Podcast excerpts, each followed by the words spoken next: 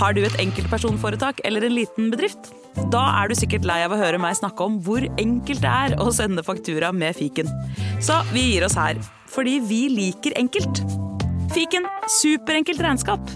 Prøv gratis på fiken.no. En podkast fra Podplay.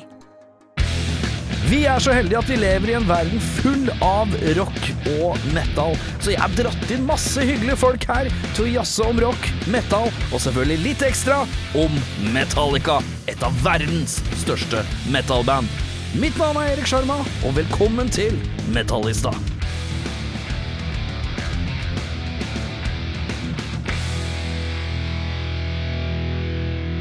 For noen dager siden så lå jeg Jeg, jeg var på vei Eller jeg hadde jo lagt Allerede meg. begynner du nå. For noen dager siden så lå jeg, så jeg skal ha kåteprat nå. Ja, nei, ikke kåteprat. okay, nei, nei, nei, nei, nei, Okay. nei. Eh, eller for dem som vil skape bilder, så blir det slight- slightly kåteprat. Men jeg, jeg har glidd den deilige, kvapsete kroppen min ned i et badekar etter jeg har lagt min datter. Mm. Uh, og så surfer jeg på telefonen, og så eh, er klokka den er vel rundt åtte. Uh, virrer jeg rundt, og så Facebook, ikke sant. Christer Falk, eh, han hytter med litt neve over eh, Kulturrådet som har avslått noen søknader. Å oh Ja. ja. Jeg hytter veldig mye. Ja, men det Men jeg har innsett at hvis du hytter, så får du ikke støtte. Hvis du, hvis du ikke hytter, så får du heller ikke støtte. Nei, så det er vanskelig å vite om man skal hytte eller ei. Ja, så da tenker jeg, kan jeg like gjerne ha det litt gøy på veien, og så vrenge ut av meg det jeg har Ja, ja, ja. innabords. Så det var litt hytting, og da tenkte jeg, så begynte jeg å tenke på dette prosjektet, som, dette enorme prosjektet du holder på med, eh, norske albumklassikere. Og så sendte jeg en melding til min kollega her, Torkild Thorsvik, eh, som eh, jobber i Radio Rock også. Så sendte jeg meg sånn Faen, tror du han eh, Falk tjener på dette her norske albumklassikergreiene? Altså, det virker så jævla strevsomt. Virker så maste.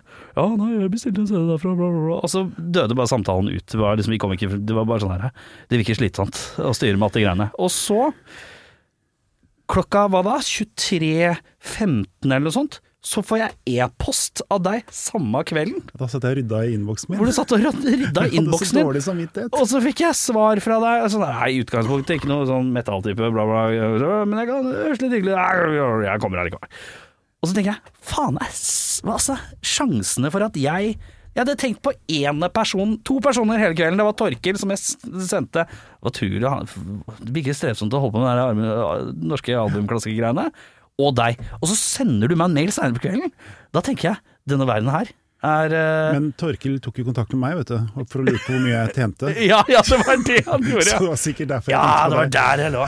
Ja. Uh, Ok, jeg kan si det. Jeg tjener ganske bra på CD-ene, tjener ikke noe bra på LP-ene, og går ca. null på bøkene. ja. Så det er jækla mye jobb Ja. for, øh, for øh, en grei lønn. Vi skal grave litt mer i dette litt seinere. men jeg bare jeg, bare er så, jeg har gått rundt i tre dager og vært litt sånn slightly mindblown. Fordi at det er noe med å eh, referere til ett menneske klokka åtte, ikke tenke på noen andre mennesker resten av kvelden, og så får du en e-post fra det ene mennesket. Det bare kjennes rart ut. Men tror du ikke det er sånn at du egentlig, hjernen din og huet ditt tenker på kanskje 2000 mennesker i løpet av en dag? Jo, Også kanskje. bare at du ikke tenker over at du tenker på dem.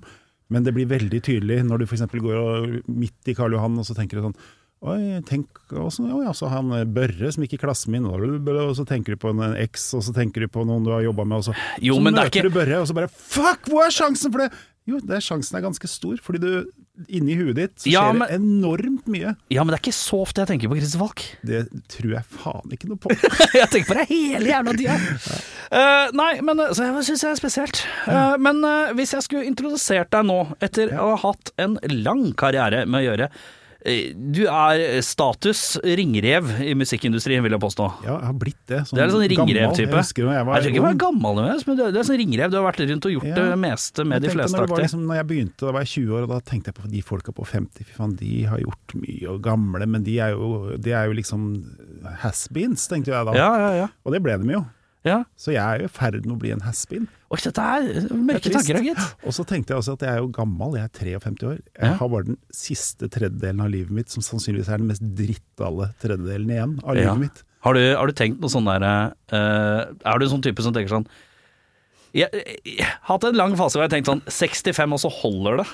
For alt annet det der, da er det bare vondt i kroppen og sånn. For jeg kjenner jo Jeg Ja, kommer jeg har bli så sånn vondt i kroppen nå at jeg liksom, nå er det Jeg har jo knær som er vrek, og ryggen er vrek, og jeg jobber jo døgnet rundt, som gjør at jeg aldri får rekk...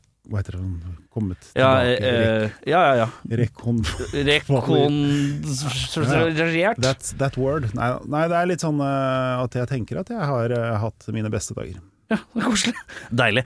Falmende stjerne sitter foran meg, og deilig det. Det, Nei, men dette er kanskje var det siste jeg gjør av betydning. Nei, det er tull.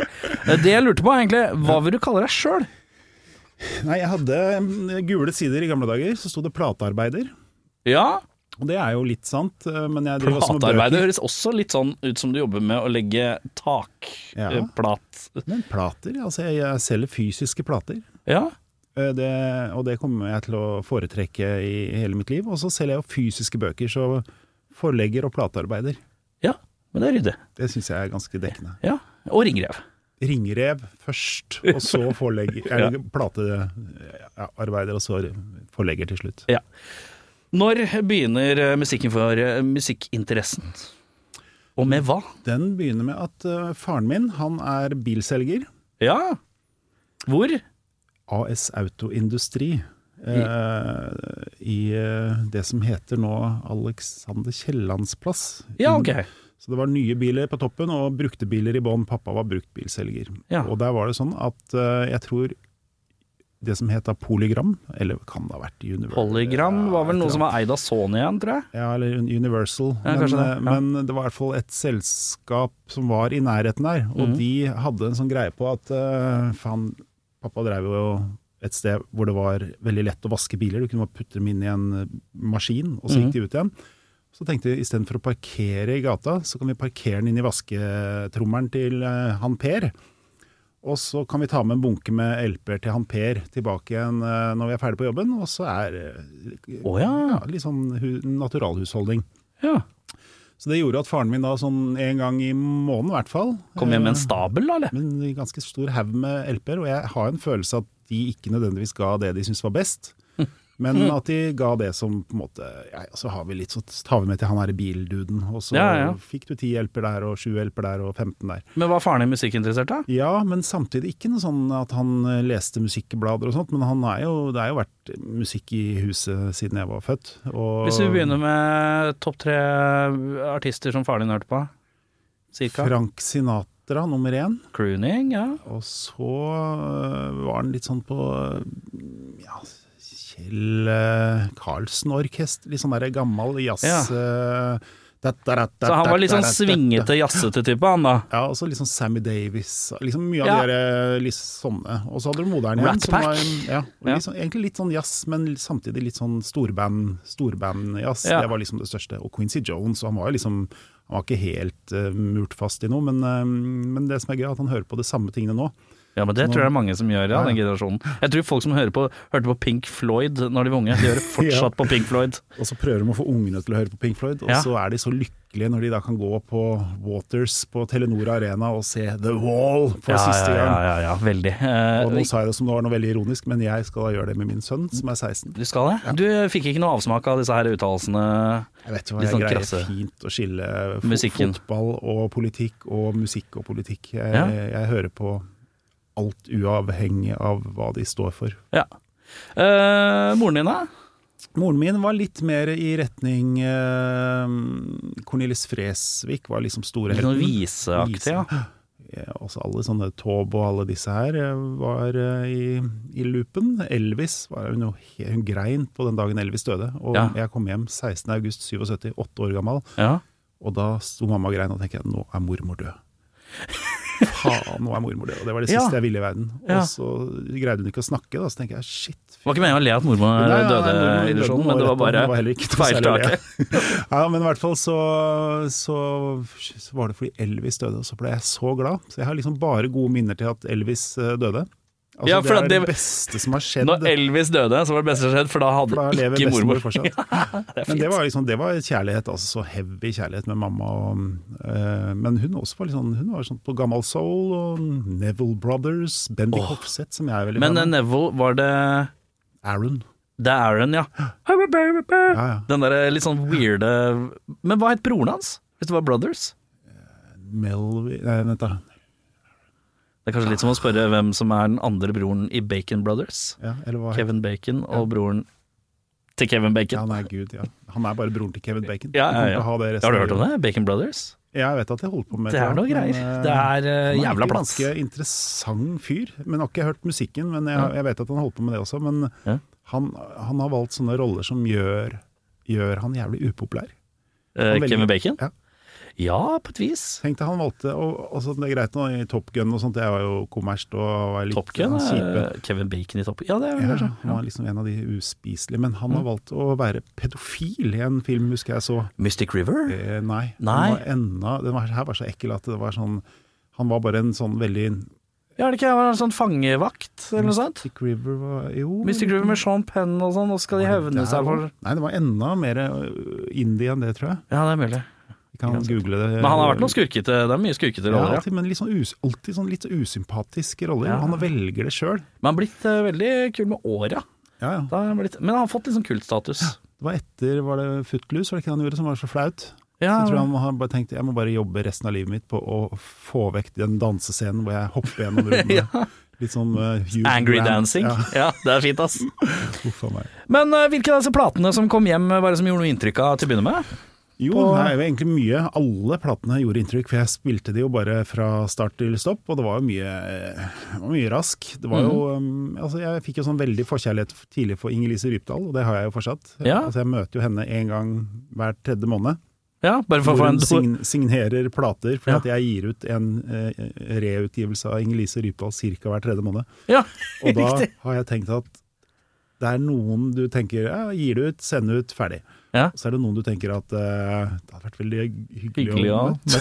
Ja, ja, Så ja. jeg er så barnslig at, at jeg sier du, kunne du tenke deg å signere noen plater som jeg sender ut? For da kanskje Ja. vi får litt ekstra fart på salget. Men det er mer enn nok fart på salget til Inger-Lise Rypdal, så det er ikke det. Men da tenker jeg at da setter jeg av den timen hvor hun kan sitte og signere, hvor jeg kan se på henne uten at hun ser at jeg ser på, på henne. Fordi Ja. at uh, hun sitter jo bare og signerer. Ja, ja. Men det er noen sånne uh, som er fascinerende. For eksempel, det var vel i om det var i sommer eller fjor sommer eller hva det var for noe, så hvor Åse Kleveland plutselig spilte to konserter på Revolver. Som jeg tenkte eh, Med The Salmon Smokers. Ja, og det er en kompis av meg som har tatt over bookinga på Revolver her i Oslo, og, og jeg tenker jo A. For en booking, min gode mann. Jeg sendte jo en SMS med en gang. Dette er gøy. Men det er jo ingen som har en. Stort sett folk fra min generasjon, og kanskje én tilbake, har ikke jævlig oversikt over Åse Kleveland sin diskografi. Du drar for å se Åse Kleveland, og så blir du wowa av Åse Kleveland, og musikken kommer sånn litt på andreplass, for Åse Kleveland er liksom Hun kan nesten gjøre hva hun vil. ja, ja, ja. Jeg husker en kompis av meg, han eh, driver en annen podkast som heter Anger. Han, eh, og da eh, fikk han tatt et bilde av han og Åse Kleveland sitter på denne bilen, for hun har jo en sånn gammel vintage-bil. Så sitter de liksom på panseret ved siden av hverandre og tenker Er det ett bilde? Jeg skal ha hatt som også profilbilde, resten. Faren min solgte jo Saab, og hun er jo Saab-ambassadør i Ja, Norge. ja, ja, Så ja. var jo liksom eh, Jeg spurte liksom, husker du faren min. Per, ja! Og jeg bare kødder, husker du? Faren min var liksom en sånn anonym bilselger, liksom. Men det var liksom stort med de to. Og da, da husker jeg at jeg er, jo, jeg er jo sånn som hver gang jeg arrangerer noen litt sånn store ting, med Ja, ja. mange forskjellige artister, og det gjør jeg jo av og til. Så er det sånn der, ok, hvem skal synge? Kari Bremnes, du kan liksom, eh, ok, da kan den gjøre det, og der og der. Og så, så er det alltid sånn, men hvem skal avslutte dette showet? Ja. Og det er ingen bedre avsluttere og showstoppere i verden enn å bare ha Åse Kleveland. Vi gjorde jo en hyllest i Raga Rockers på Rockefeller, hvor vi hadde 40 artister på scenen eller sånt, og det var liksom helt Jo Nesbø, Alex Rosén Det var liksom bare sånn Jeg tror det var liksom hele kremen av norsk eh, rock var der. Og helt til slutt så kommer Åse og skal gjøre Fritt liv med eh, liksom det ha- steinharde bandet. Og hun har bare øvd inn låta sammen med eh, bandet i øvingshotellet Ja, ja, ja. og ganske lavt. ikke sant? Så kommer du der på slutten av en konsert med Raga Rockers hyllest i, på Rockefeller, helt stinn brakke. Ja. Og da er jo lyden så jævlig høy at når hun kommer ut der, så, så Hun har sannsynligvis aldri spilt eller vært steder hvor det har vært så høy musikk. Ja, ja, ja. Så hun fikk jo Hun ble blåst av banen, så hun sto der og bare Mista tekst. Alt bare Fuck, dette var høyt! Så hun ja, bare strakk mikrofonen ut, og så sang hele Ja, salen. ja, ja. Og det var liksom det som skulle til for at hun kom inn i det. Men altså, det bare tenker jeg, det var så perfekt. Åse Kleven er perfekt. Eh, Åse Kleveland er perfekt. Eh, men eh, ja, videre musikk eh, som Jo, eh, former, former deg. eh. Ja, Første møte med liksom, musikk som jeg er blitt fortalt, da, det er Miriam Makeba. Um, Hva er det for noe? Pata Pata, hvis du husker det. Du har sikkert hørt den med uh, Primavera. Ja, Det blir krig. Pata Pata, Å ja. riktig. Å ja, den Altså, der, ja. Ja, det er sånn, egentlig en eh, sånn reglelåt fra Sør-Afrika. Ja, ja, ja. Men da spilte jeg altså side A på den eh, LP-en som vi hadde hver dag fra jeg sto opp til jeg la meg. Sto bare og med en gang side A var ferdig Pile pata pata! hadde jeg skriket. Ja. Og da måtte mamma sette på platespilleren igjen, og Ja. så hørte jeg på side. og Så du fikk singeloppheng eh, da, ja? Ja, men det er bare én side. Så når jeg kjøpte den CD-en i voksen alder, så tenkte jeg bare shit, jeg kan jo alle disse låtene helt utenat. Ja. Helt til jeg kom til da, sang nummer sju. Og da var det helt stopp. Ja, for da hadde du vanlig starta om. Ja, ikke sant. Men det er en plate som eh, liksom kanskje var med på å forme ganske mye. Mm. Men det har vært liksom Det er jo Elvis kanskje som har vært den som mamma sang tostemt. Alltid. Moren din sang tostemt? Ja? Altså når han sang Hun- In the Ghetto, så sang hun en tone Ja, og, ja, ja, sånt, og så tenkte jeg wow, hun synger noe annet, men det passer så fint. Ja, det var liksom ja. før jeg skjønte at uh, Harmonier og sånn? Ja, Ja. Så det var også sånn der, at jeg syns mamma var helt utrolig ute, som ikke sang det som Elvis sang, men at det var allikevel Det var rart at det funka. Ja. Ja, For det høres jo ikke ut som Elvis, Nei, nei. men hun synger med Elvis. Så det var en duett med Elvis var jeg oppvokst med, hjemme, hjemmeduetter. Ja. Og pappa sang eh, de samme sangene som han synger i bilen nå. eh, Frank Sinatra synger veldig høyt. Ja. Så jeg er liksom oppvokst med sang, oppvokst med at mamma spiller gitar. ja. Og så er jeg oppvokst med liksom annenstemmer, og da tenkte jeg at eh, når jeg knakk annenstemmekoden, så tenkte jeg faen, det her var jo ganske lett. Det er sikkert mange som sliter med å skifre. ja, jeg skjønner ikke Osman. man eh, Men nå lager jeg jævlig mye rælete musikk, da. Men uh, jeg har aldri skjønt uh, Det er kanskje det som er forskjellen på oss to. Ja. At hvis du hadde hatt min oppvekst, så hadde du lagd bra musikk. Kanskje? Men jeg lager jo ikke musikk, så vi er jo like langt. Nei, vi er jo summen at det er bare dritt. Men hvorfor lager du ikke musikk, Christer Falk? Hvorfor har ikke du plukka opp en gitar eller noen trommer eller et eller annet? Jeg har Jeg tror jeg har ti gitarer. Ja. Jeg tror jeg har tre bassgitarer, og så har jeg to keyboard. ja. Og så har jeg trommesettet til uh, John Blackwell fra bandet til Prince. Altså Ja. tre av gitarene som Prince har spilt på, og så har jeg fem replika av gitarer som ja. Prince har Men dette eid, eller er utstilling like. primært, Yes. eller? Ja. nå er jo sønnen min heldigvis supermusikalsk, og, og det er dattera mi også. Så Ja. nå har han begynt å plukke opp litt av det. Også. kan jeg ta med en gitar ned, ja, for han bor i kjeller. Ja, ja. Hvor gammel er han da? Han er 16. Ja, Så han har fått egen inngang, og der står LP-samlinga mi, i hvert fall deler av den. Så nå skjer det ting der nede. Jeg hører han sitter og synger Plukker av og litt, til. sånn. Og så nå skal jeg ikke gå ned. Ja, for du må det er, det, det er jo min største frykt. Hvis min datter ikke sant? Eh, Jeg og datteren min, eh, hun er seks år. Mm. Eh, I fjor så lagde vi lag, jeg, altså jeg kjøpte en sånn gitarkit, og så har hun tegna på den og malt den, og så har jeg lakka den over sånn at det skal preservere seg. da Så vi hengte den opp på veggen. Og min drøm er jo at hun skal plukke opp den en dag. Men det er jo eh, livsfarlig å blande inn for mye. Presse eller noe sånt. Så når du står der oppe og hører 'Å, faen, faen, det er jævlig fint', og du har lyst til å rusle ned og høre, så må du la han bare få space to figure it out. Jeg får av og til noen SMS-er hvor han sitter og synger eh, med keyboard. Og så Nei, faen, det er koselig, ass. pappa? Og da, da skriver jeg alltid sånn helt jævlig, skriver jeg. Du gjør det, ja. Men det gjør jeg bare fordi at det er vår måte å vise kjærlighet på. Ja, Han men, fikk en sekser her om dagen også i Ja. Nei, en, nei i, i musikk. ja, Og da skrev jeg 'Har du trua han stakkars tynne læreren din', måtte jeg skrive da. ja, ikke sant. Det er, jeg klarer ikke å si 'så bra, gutten min'. Nei, for er det fordi det kjennes cheesy ut, eller er det fordi lærer han at verden er- skal hard på en sånn humoristisk måte? Jeg tror at den harde humoren må tilbake igjen hvis, eh, hvis det skal bli noe mer verden og, som er verdt å leve i. For Ja. nå er det blitt veldig mye Nå er det, Jeg- blitt borte. Jeg pleier å si at jeg oppdrar datteren min på 70-tallsvis, ja. og det er Det slår det. det er, Nei, ja, det var kanskje litt hardt. Ja, det er, Sen, sen 70, da. tørr, altså stumpe sneipen over huet på henne. Nei, men eh, passe på å lukke alle vinduene, skal røyke i bilen. Nå skal vi ut i bilen! Skal vi noe sted? Nei, pappa skal røyke, skal bare sitte inne i bilen og kjenne siggluk. Skal kjenne den Barclayen gå inn i lunga på deg. Nei, men uh, Nei, det er uh, Jeg føler at uh, å lære unger eksempel å være ironisk eller sarkastisk til en kid det er litt sånn der, å nei, det gjør vi ikke lenger. Det der å la unga tryne ned fra det treet, eller si sånn ja, nå er det du som har klatra opp der, må du finne ut hvordan du klatrer ned. Jeg har ikke Og så får du heller bare være han fyren sånn, jeg har ikke dårlig tid.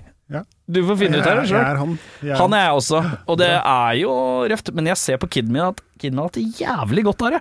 For hun er så jævlig oppegående. Ja, ja. Det er jævlig fett. Jeg vet at jeg kan bare si Jeg kan, jeg kan kødde, kødde med henne med stoneface, og hun tar meg på det.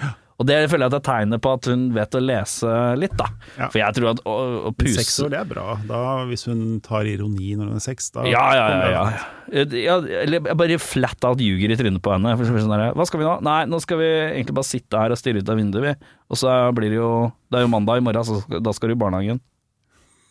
Og så bare så sånn Hæ? Nei, vi skal ut og gjøre noe. Du bare tuller.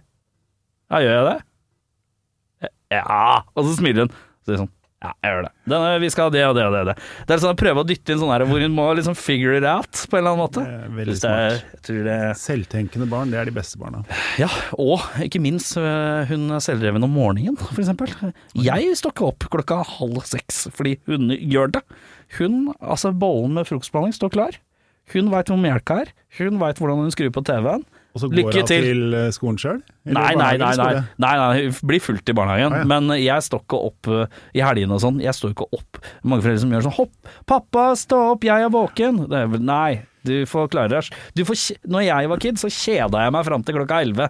Det får du gjøre òg. Ja, jeg hadde Lego. Altså, det Ja, var ja. sånn, da fikk jeg beskjed Du får ikke lov å bråke med Legoen. Hvis du gjør det, da tar vi Legoen bort. Ja. Men det var sånn Vi lista oss ut. Ja. Bare velta sånn forsiktig, og så ble det litt bråk. Vi klarte å, å legge ut all Legoen. Uten Uten, lyd, nesten. Ja, ja, ja. Og så satt man der bare til de sto opp. Ja, Det var liksom helt perfekt måte Men det er å å sysselsette seg sjøl litt òg. Liksom, ha sånn klassisk ting jeg føler sånn derre Foreldre, mye foreldre som underholder kidsa sine til hvert jævla øyeblikk. Men ble vi jeg er på elleve 11 måneder, da. Som Ah, jeg på og 11 jeg prøver å være steinhard. Ja. Han står helt på gurgler, og så ser jeg på han.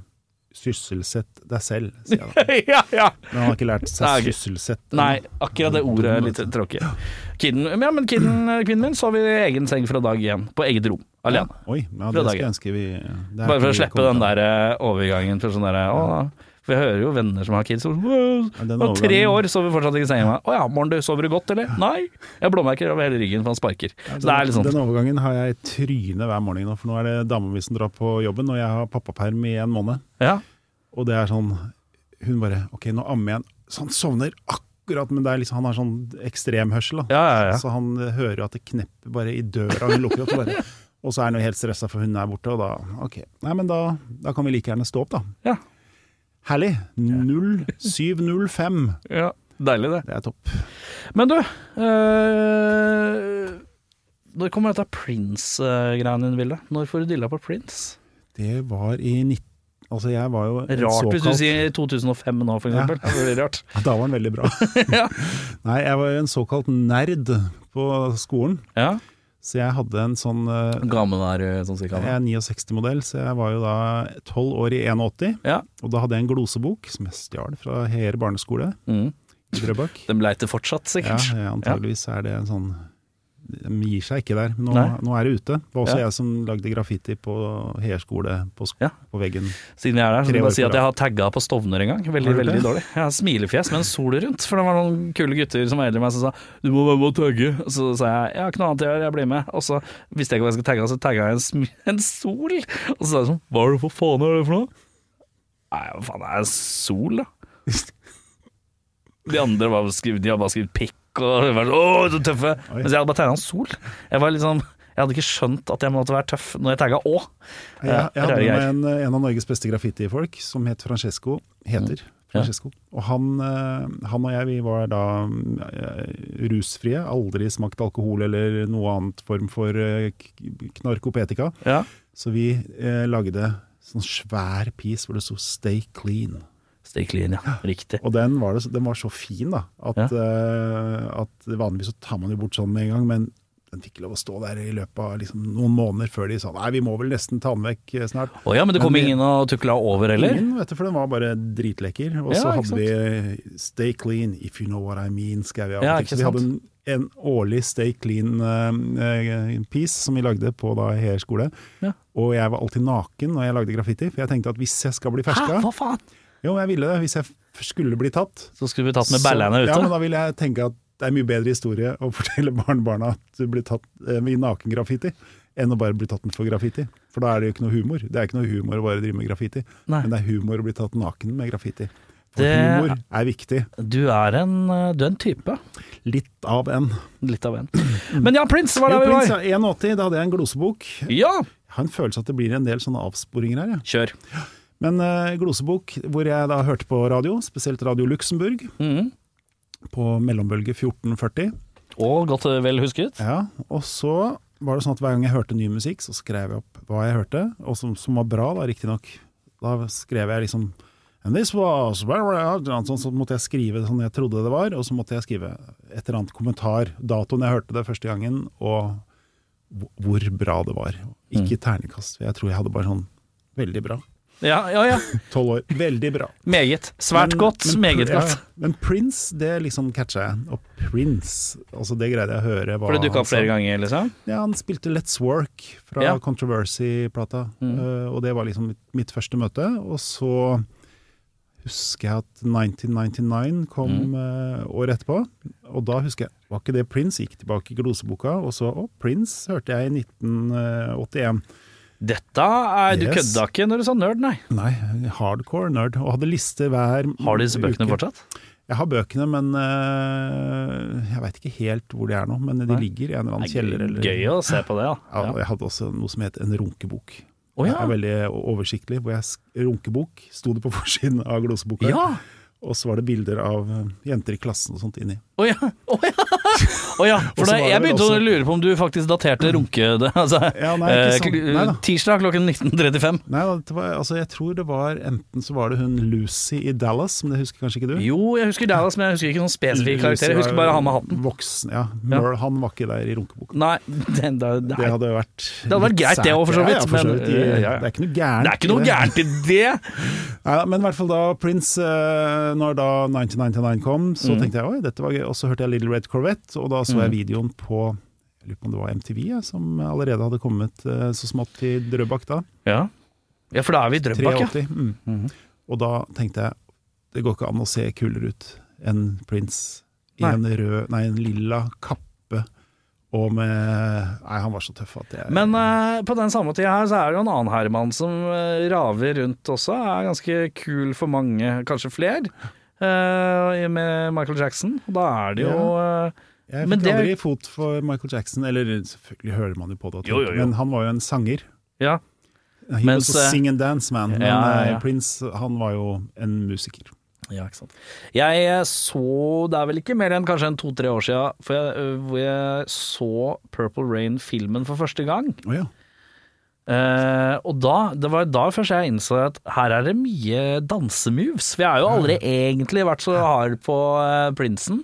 Eh, jeg tror kanskje nesten jeg har hørt mer coverlåter av Prince enn jeg har hørt Prince i seg sjøl. Foo Fighters. Ja, blant annet. Mm. og så eh, Men så, eh, så så jeg det, og så begynte jeg liksom å høre på det, og så blei jeg jo drukna jo hen. Fordi det er jo et litt sånn eh, spindelvev, det å hoppe inn i diskografien til Prince. Hvor skal, man, hvor skal man hoppe inn? Og på den tida jeg sjekka du Nei, nei det var vel enda lengre sida, for Prince levde jo fortsatt. Jeg husker ikke når han døde. Var det Hvilket år var det Prince døde? 16. 16, ja. Ja, da er det jo lenge siden, da. Eh, men da, for da husker jeg da han hadde kommet ut med den derre ski... Den Power Trio-plata si. Når han hadde afro og solbriller og sånn med to oh, ja, ja. damer. Ja, det var ikke så Litt sånn rocka-plate, eh, som jeg fikk litt sansen for. Men det følte Spektrum Elektrum. Ja, ikke sant? Plekt- Plekt, plektrum, el Ja, Plektrum Elektrum. Plektrum, elektrum, ja. Da- han kom med den og en annen skive samtidig, og så skulle jeg prøve å fordøye det samtidig som jeg skulle gå tilbake. Og så Ja. bare ble det de litt sånn to litt platene var ganske terningkast eh, tre, begge Ja, to. Men det men var jeg- jo nesten det dårligste han har gjort. Men altså det, hvis du skal bare gjøre Prince, så bare høre fra 1980 til 1988. Bare 80-tallet, basically.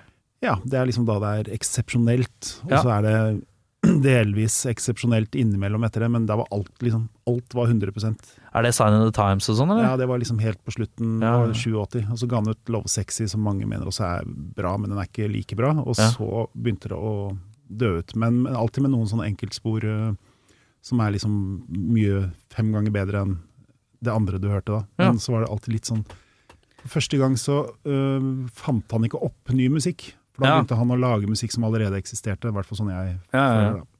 For jeg føler at det å hoppe inn i diskografien til Prince er ja, for meg, da, som er kanskje en litt sånn sjangerbeist type Eller egentlig ikke, for jeg hører jo på Altså, jeg hører på alt eh, mellom himmel og jord, for så vidt. Eh, Alt fra Metallica til Iron Maiden.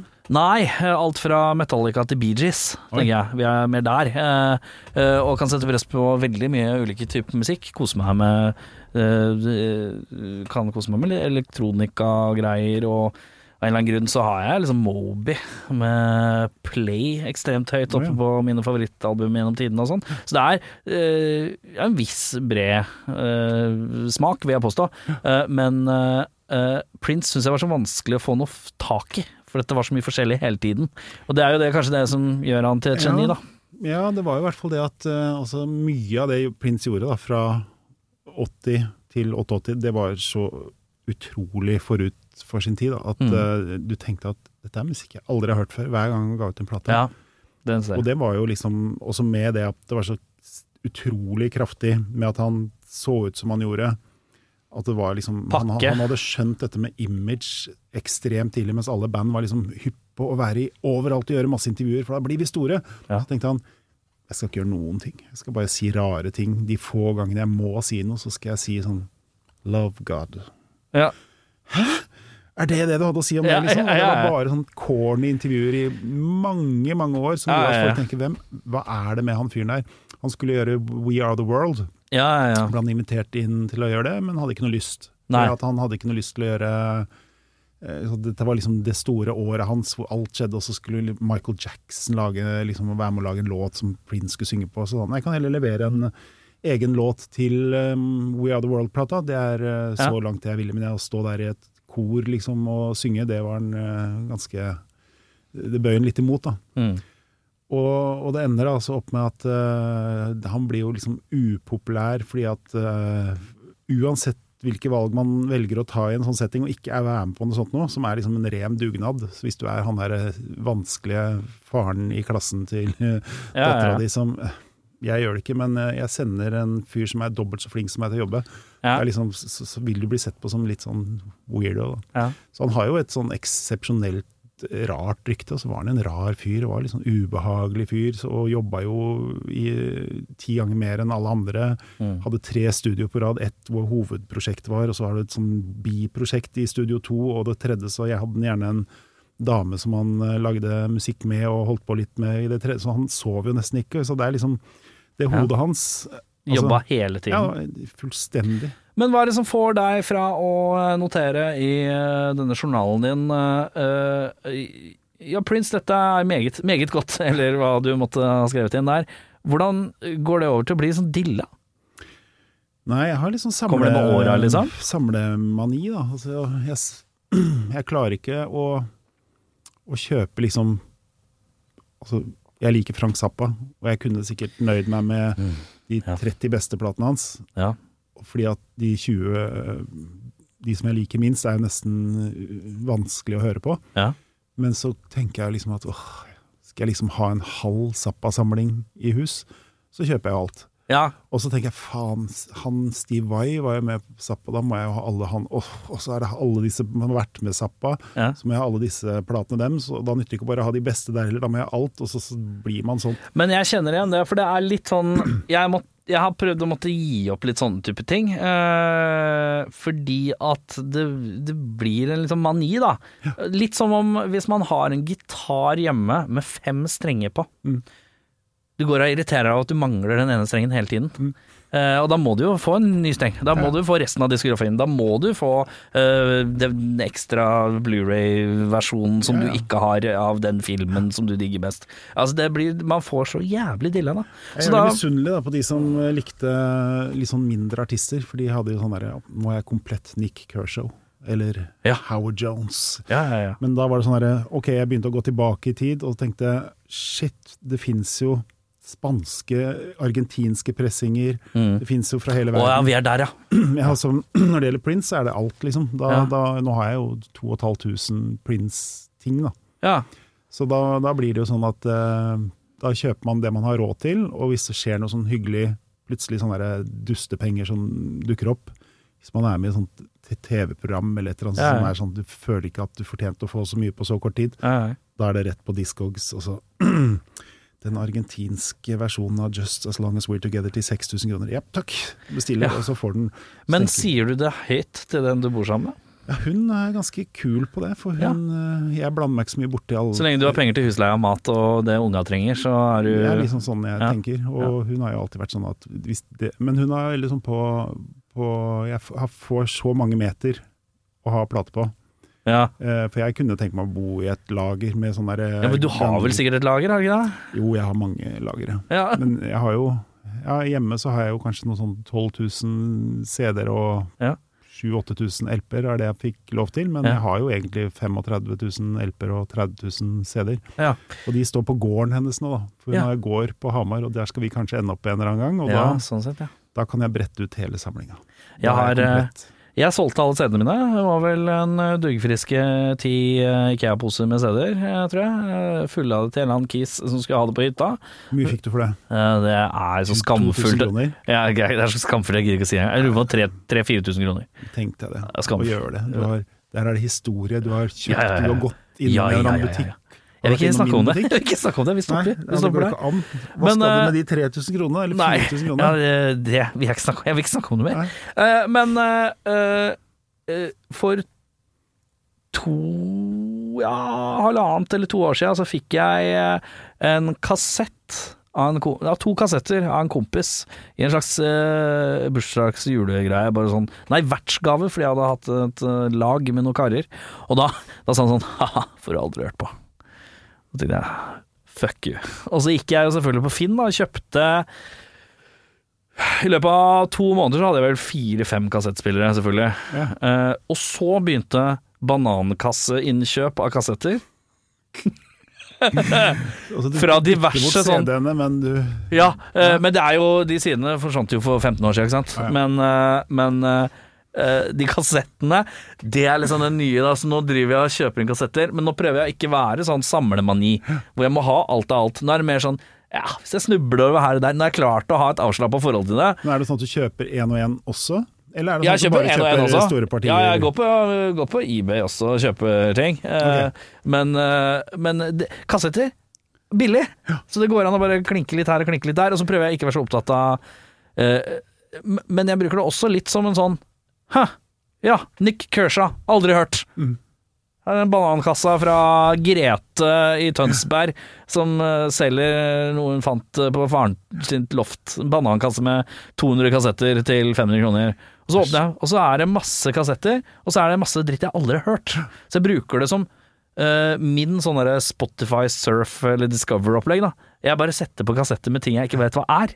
Og det koser jeg meg med, kjenner jeg. Det er min nye litt sånn pet peeve. Jeg fant jo gamle opptakskassetter jeg hadde gjort, for jeg også satt jo når det var Og da var det mye sånn Norsktoppen, det var liksom det første jeg ble hekta på. Ja. Og det var jo 81, også det er ganske gøy nå, for jeg driver med den norske albumklassikere-serien. Ja, ja, ja. Og da er jo all musikk eh, som jeg gir ut nå, er fra sånn, slutten av 60-tallet til midten av 80-tallet. Fordi mm. etter det så ble det jo CD-er, og da er det ikke så behov for å trykke opp nye CD-er av ting. Men da altså fant jeg noen gamle kassetter, og da er det jo sånn at du har jeg, jo, Det var ikke så mye å velge mellom. Du hørte på NRK klokka halv ti på torsdager. Da var det eh, kanskje på norsk Eller tirsdager, kanskje på Norsktoppen. Og det var kanskje den ene gangen du fikk høre en del av låtene, så var de borte for alltid, så da måtte jeg jo ta det opp. ja, ja, ja. Og så tok jeg opp Norsktoppen, sånn at jeg hadde da uke for uke. Ja. Og det er helt sjukt hvor mye som eh, ha, Altså, når du er 12-13-14 år, ja, ja. du blir sånn svamp, vet du. ja, ja, ja. All musikken gir helt sånne eksepsjonelle Det er det jeg syns er litt sånn bra øh, nå, det er at nå har jeg unger i den alderen hvor, hvor det faktisk Det de hører nå, de opplevelsene de får nå, det er liksom du kan gange det med 20, for du vil aldri oppleve noe sånt igjen ja, ja. Altså, jeg husker jeg var og så Prince i 1986 i Sverige. Da var jeg Ja. 17 år gammel. Ja. Altså, Måtte du ha følge, holdt jeg på å si? Nei, jeg dro faktisk aleine det Ja. Men uh, 80, 80, 88 år etter, Nei, 87 år etterpå, da dro jeg sammen med en gjeng, og, og også til, til Sverige. For da Han prins kom ikke til Norge før i 88. Mhm. Men uh, det å være aleine på en prinskonsert i 86 og tenke bare Det her er liksom Det kan ikke bli noe bedre i hele verden. Uansett hva jeg ser igjen nå, så vil det liksom bli sånn Det er ikke sikkert det var så bra, eller det var jo faktisk så bra, da, for den videoen Jeg har videoen av konserten, Ja, ja, og den er liksom eksepsjonell. Men, men hadde jeg sett Eurythmics eller Nick Kershaw Mm. det året, og reist med den opplevelsen at du faktisk skal? Det blir jo aldri dårlig da. Nei, nei, nei. Ingenting blir dårlig når du jobber for det sånn. Jeg hadde Jeg tror min sånn Åh, det blir aldri mer den konserten her. Uh, opplevelse kom vel liksom sånn på tampen av av ungdomsåra. Sikkert sånn 17-18, tipper jeg. Jeg, eh, da jeg plutselig fikk i fanget en eh, U2-billett. Og, og det er jo på en måte i rockens eh, verden, så er jo det Jeg har jo alltid proklamert at jeg liker U2. Jeg liker låtene. Der må jeg skille ma- mennene og musikken litt, grann, for at ja, Bono er litt meget, det kan jeg være med på å innrømme. Men eh, alltid vært veldig glad i U2. Uh, Syns det er eh, meget god popmusikk. Og så eh, Jeg har aldri vært på en bedre konsert i mitt liv. Aldri hørt bedre lyd. Hvilken av de var det?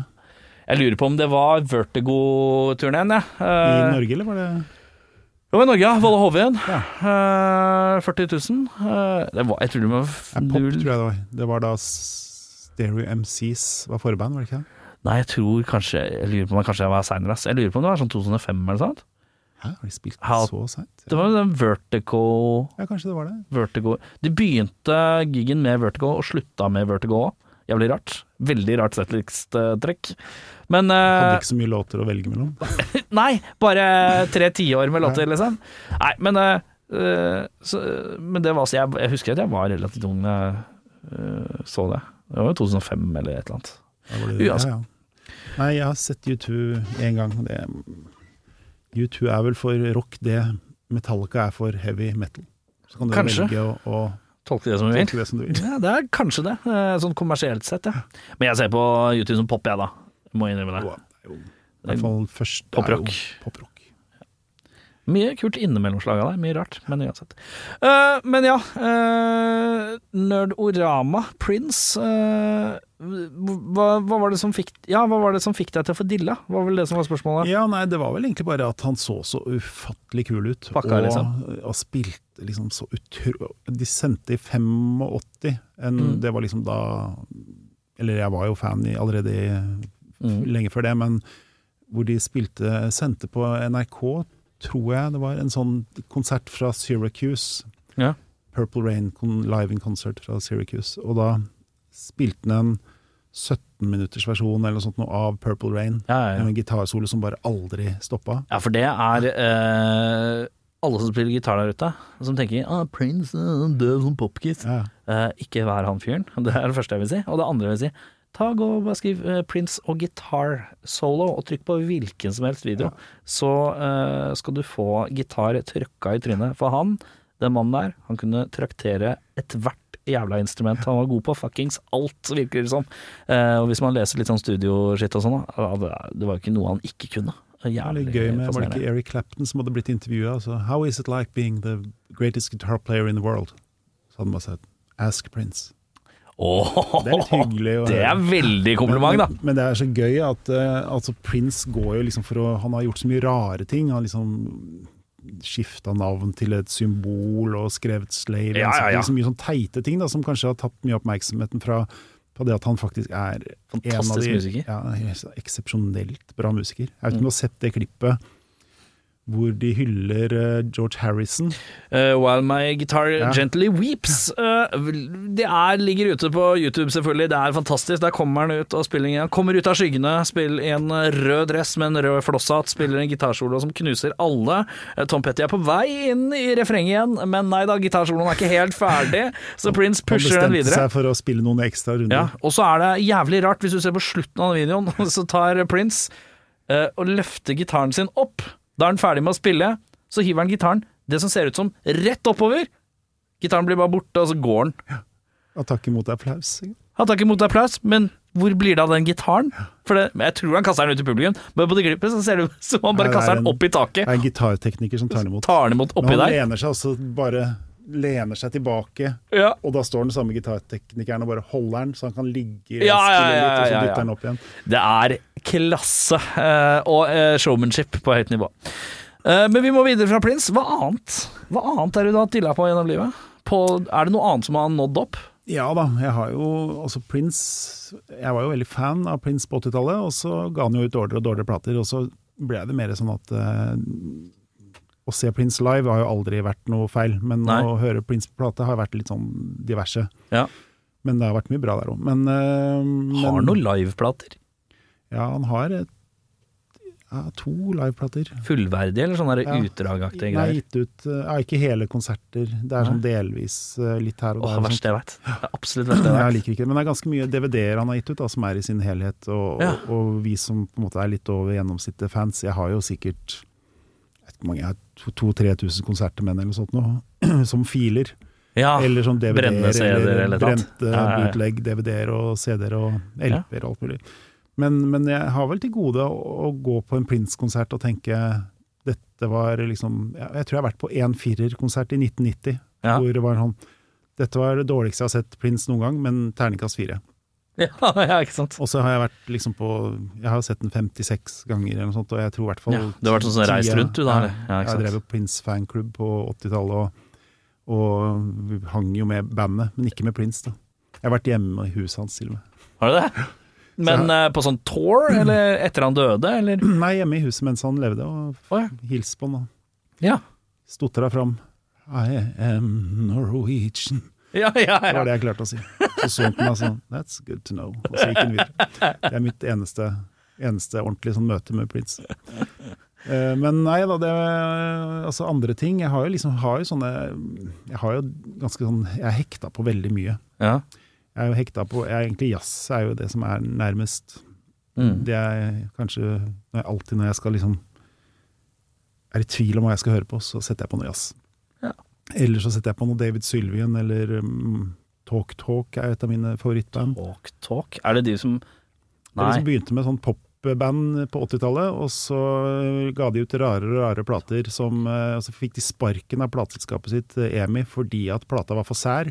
Mm. Og så ga de ut en ny plate som var enda sær igjen, og så ble det oppløst, fordi vokalisten i bandet ble jo koko, så han satt jo Ja. Vi skal spille inn en plate, men det skal bare være én og én musiker her, og dere skal ikke vite hva dere spiller for noe, så du skal bare spille et eller annet. Og når han følte at han hadde noe Nei, det var fint. Ja, men hva er det for noe? Nei, nå kan du gå, for nå skal neste bassisten inn, og han skal spille i tre dager. Det samme gruvet helt til det sitter et eller annet som jeg føler er riktig. Mm. Og så har han da sydd det her sammen, og så er det altså de to platene, en som heter eh, Spirit of Eden og Laughing Stock, det er de kanskje De to platene er begge på min topp ti gjennom alle tider-plater. Steike. Men øverst på den lista så er det Mark Hollis sitt soloalbum, for da hadde han gjort en akustisk versjon nedstrippa med masse blåseensemble og treblåsere og Nedstemt, men med blåserekke? Nei, ikke Nei, altså- ja, men det er sånn valthorn og klarinett. Oh, ja, sånn, ja. og det, er, det, er, det er altså den fineste plata jeg noen gang har hørt. Hva heter den? Den heter bare Mark Hollis, med Mark Hollis. Ja. Eller hans eneste soloalbum. Vokalisten i Talk Talk. Eller Ja. Det er jeg, det minner meg om kassett jeg snubla om her en gang. Eh, eh, jeg liker når folk kaller albumet sitt et eller annet med sitt eget navn, men det beste jeg fant hver dagen, var Frankie Miller med uh, Who the fuck is Frankie Miller? I'm, I'm fucking Franking Miller, eller noe sånt. Det var veldig fint. Ja, det er sterkt, eh, sterk. Den er eh, faktisk mange runder i, runder i tenkeboksen da, før han Ja. endte opp der. Ja, det tenker jeg òg. Men du, eh, jeg er lovpålagt å døtte inn noe reklame. Så det Spennende. Nå er jeg lurer på hva dere skal reklamere for. Ja, ikke Er sant? det noe, er det noe, er det noe drikkbart? Sjokolade, kanskje? Christer Falk og Erik Sjarma. Fanboys av reklame. reklame! Å, det blir så gøy! Comfy balls! Det har jeg på nå, faktisk. Har du det? Ja, ja. Deilig, det. Har du et enkeltpersonforetak eller en liten bedrift? Da er du sikkert lei av å høre meg snakke om hvor enkelt det er med kvitteringer og bilag i fiken, så vi eh, gir oss her, vi. Fordi vi liker enkelt. Fiken superenkelt regnskap. Velkommen til Kjemperådet! Denne gangen har vi fått inn et kjempedilemma fra en familie. Jeg leser Hei, vi er litt uenige i familien her. Hvis du skulle vært et dyr, ville du hatt gjeller eller vinger? Oi, den er tricky. Ja, Hva ville dere hatt, da? Altså, jeg vet ikke, men Med familierabatt får de ubegrenset data fra Telenor fra 399 kroner. Da kan de jo scrolle seg til svaret, rett og slett. Ja, ok, Men for min del Ja. gjeller. Nei, nei, Nei. nei, vinger. Nei, nei, gjeller. Ja, ok, ja, Kjempebra. Men eh, se nye mobilabonnement på telenor.no, da.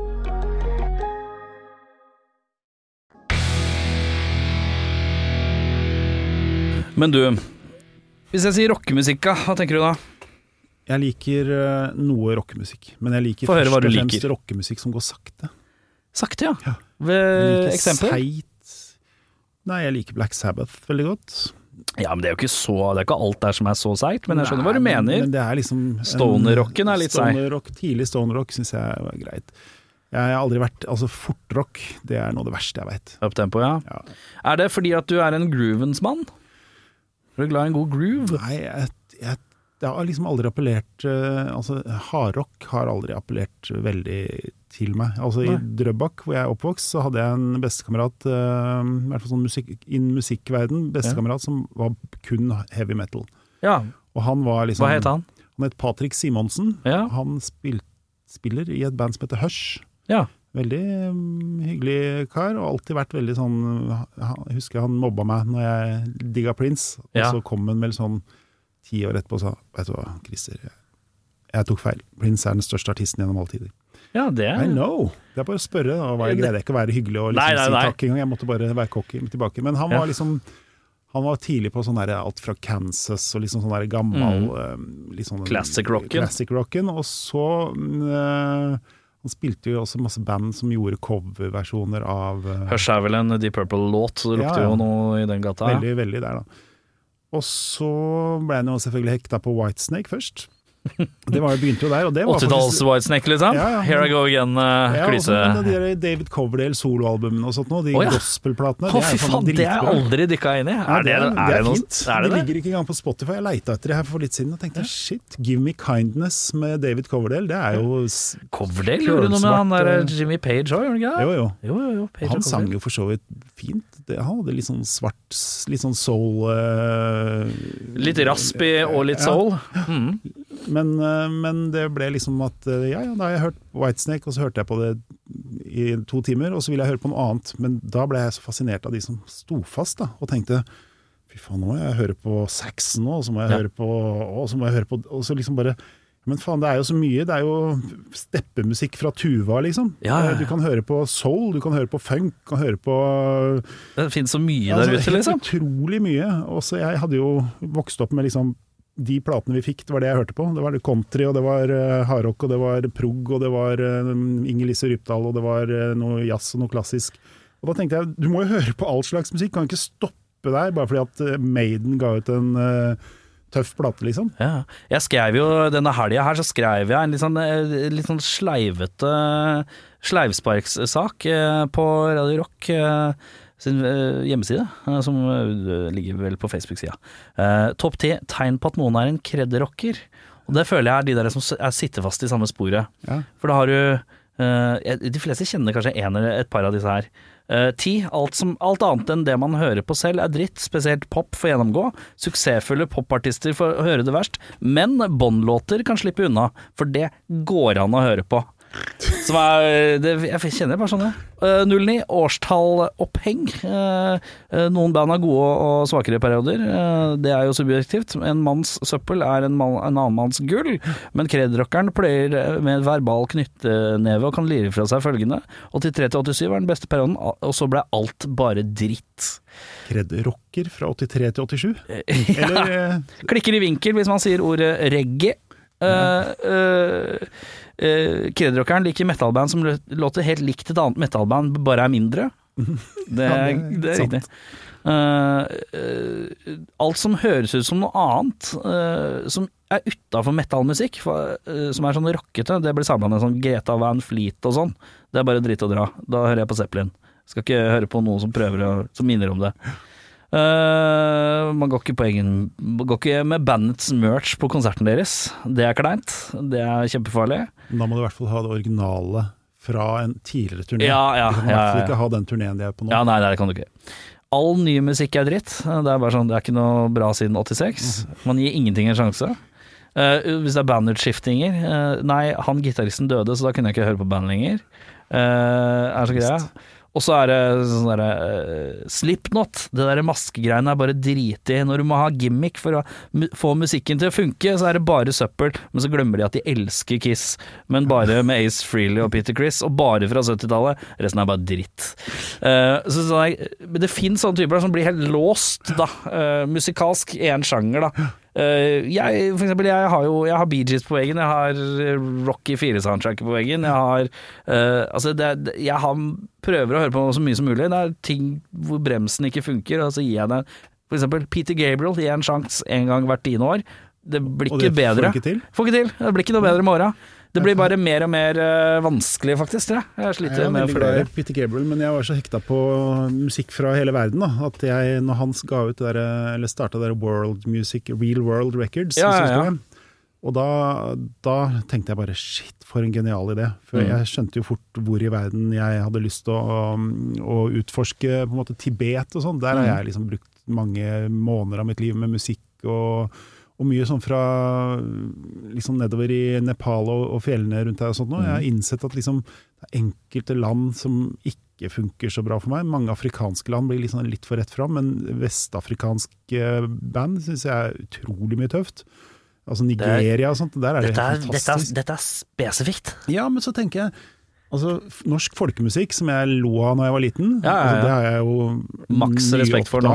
Og tenkt shit, så mye fantastisk eh, altså, joiking og, og Mm. ren sånn derre Altså, jeg har jo vært innom så å si alle land, bare for å se er det noe Og da liksom, tenker jeg, da går du ikke innom suvenirsjappa liksom, når du Nei, er nei. i eh, et eller annet land, og så kjøper du, for, da veit du hva som ligger eh, i suvenirsjappen i Norge. Da får du Sissel Kyrkjebø, liksom. Mm. This is Norwegian liksom, Music. Nei, ikke egentlig. This is Norwegian Music volum 3. Ja, du kan også kjøpe Skjoldmøyslaget med hardingfele og munnharpe, og da får du liksom Mm. ståfres, liksom. Så det, det er liksom det å finne den riktige musikken fra hvert land, det har jeg liksom brukt mye tid på. Og det er veldig kult når du har en platebutikk eh, som jeg hadde i 20 år. Mm. Så tok man det bare inn, og så plutselig var jeg litt sånn hekta på Marokko. Så tenkte jeg jeg må jo finne ut av dette her, da. Og så spør du ikke da liksom disse som egentlig liker dance eh, fra Nei, nei, nei. Marokko, du spør jo de gamle folka Ja, ja. som eh, gir meg Og så finner du fort ut om de, om de er opptatt av aut autentisitet, eller om de bare er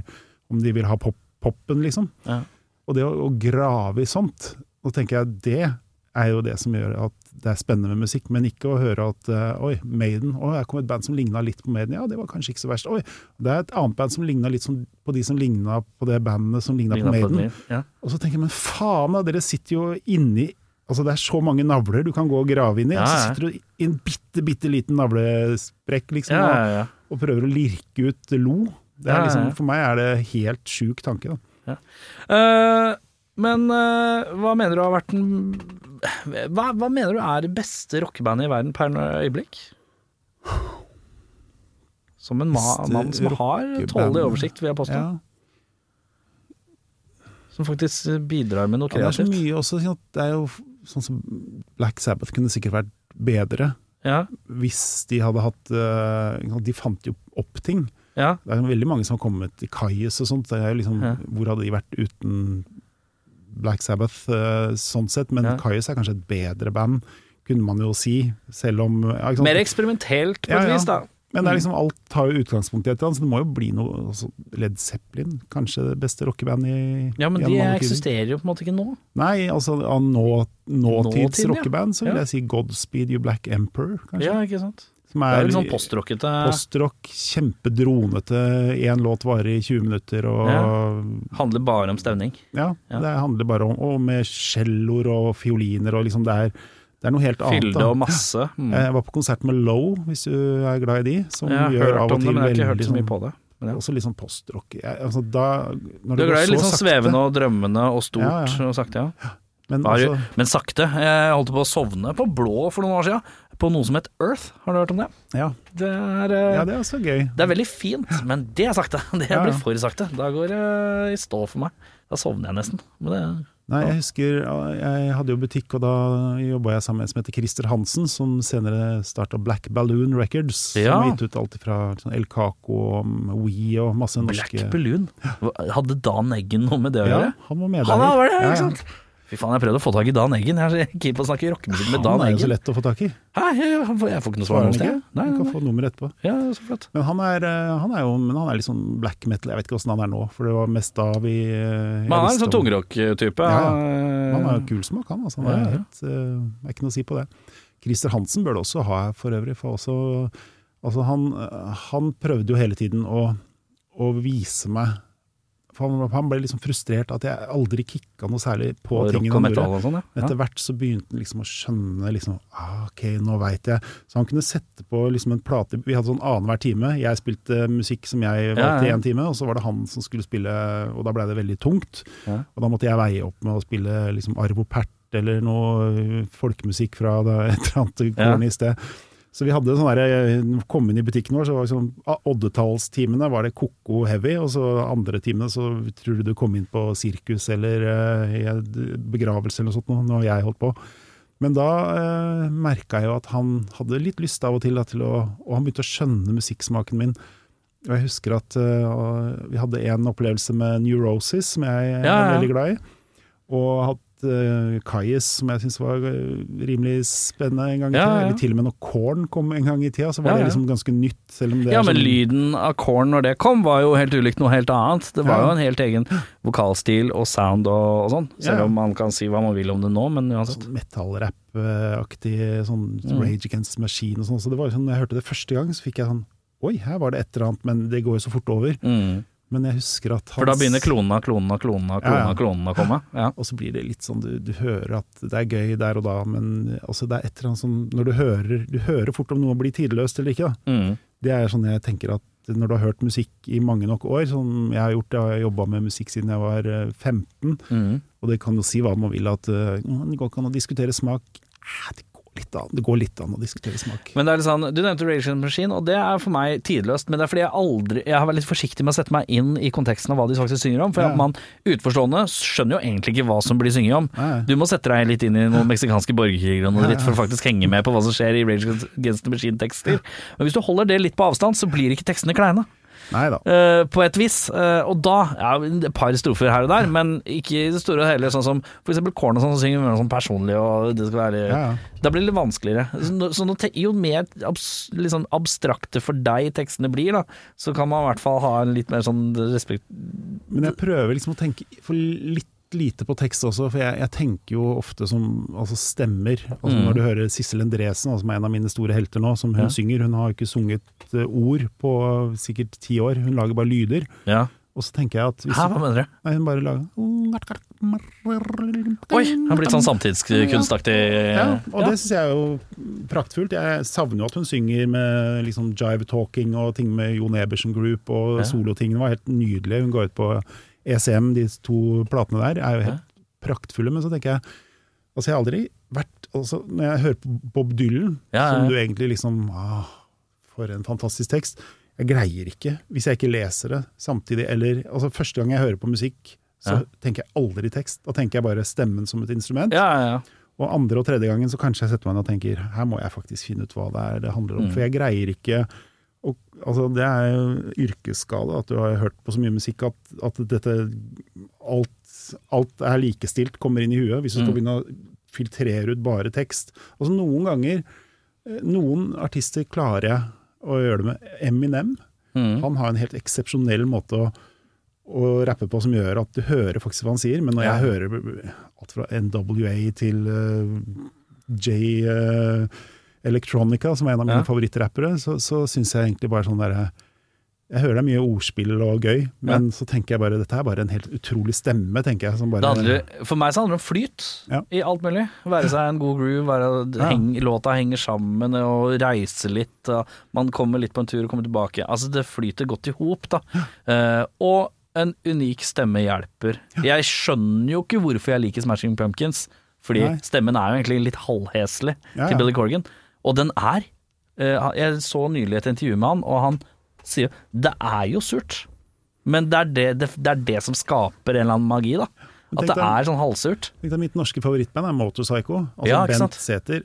Altså det han av og til lirer av seg fra en scene, det er så Ja. surt at det er helt jævlig. Men Ja. det, er, det handler bare om uttrykk, da. Og det handler om et band som er så bra og har spilt så mye sammen at eh, de, eh, de veit jo Aner jo ikke hvor de ender opp i en låt når de først begynner. For Nei, de nei, tenker la oss se hvor det fører oss. Og noen blir sånn tillært, og så mye sånn der, eh, improvisert musikk er jo sånn eh, Du har jo noen rammer eh, som går igjen, og så nå er det din tur å vise hva du kan i den runden, og så er det din tur. Det er sånn klassisk jazzmåte å tenke på. Men altså Motorpsycho, jeg har vært og sett Jeg tror jeg har sikkert sett dem 40-50 ganger. Jeg har sett gang. dem, jeg tror jeg har sett dem tre ganger eller noe sånt. Hver konsert helt forskjellig, selvfølgelig. Eh, selv om det kan være seg bare et år eller et par måneder imellom. Eh, fantastisk band. Også et band jeg primært oppsøker live. Mm. Plate for meg er litt fløktig, for hver skive er litt sånn, har sin egen identitet. eh, Sånn litt på kryss og tvers. Ja. Men eh, eh, jeg har vært glad i de siste platene, faktisk. Syns jeg har vært litt kult. For de siste har vært ganske sånn tungrockete Ja. på riffa og sånn. Og så skal vi ut på tur, og så kommer vi tilbake igjen. Litt eh, Nesten litt tradisjonelt classic rockete, mye av det. Ja, Men, litt sånn eh, prog nesten. ja, litt- sånn der, de gamle mm, Gentle Giant og sånn. Hører Ja, ja. plutselig ja, der må de ha hørt på det og sånt. Mm. Men, men eh, de er jo så ufattelig bra å spille, vet du. Altså, er jo, det er jo kanskje en greie jeg har litt mer enn andre, at uh, jeg er veldig glad i folk som er dritgode.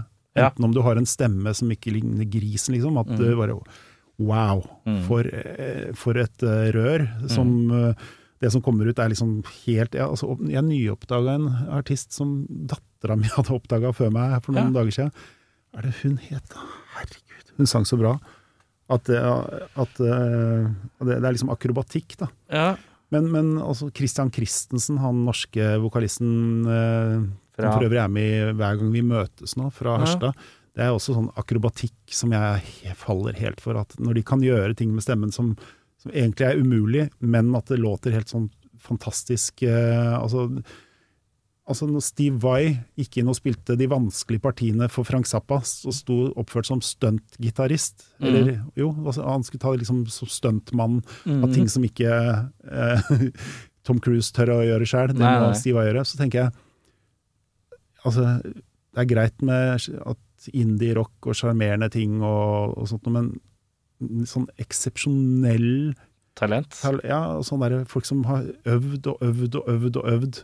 Og, og Pat Metheny, da, som også er en av mine favorittgitarister. Mm. Altså når jeg hører han spille live, så tenker jeg det det er så vakkert, og det er så smør og balsam for sjela at jeg tenker at det, er, det går ikke an å fake seg til det, liksom. Det går ikke an å skru lyden annerledes i studio og plutselig låte sånn, for du hører at det er bare Det er sånn et eller annet eh, han gjør da, med gitaren som, som må være Pat Metini for å klare å få til.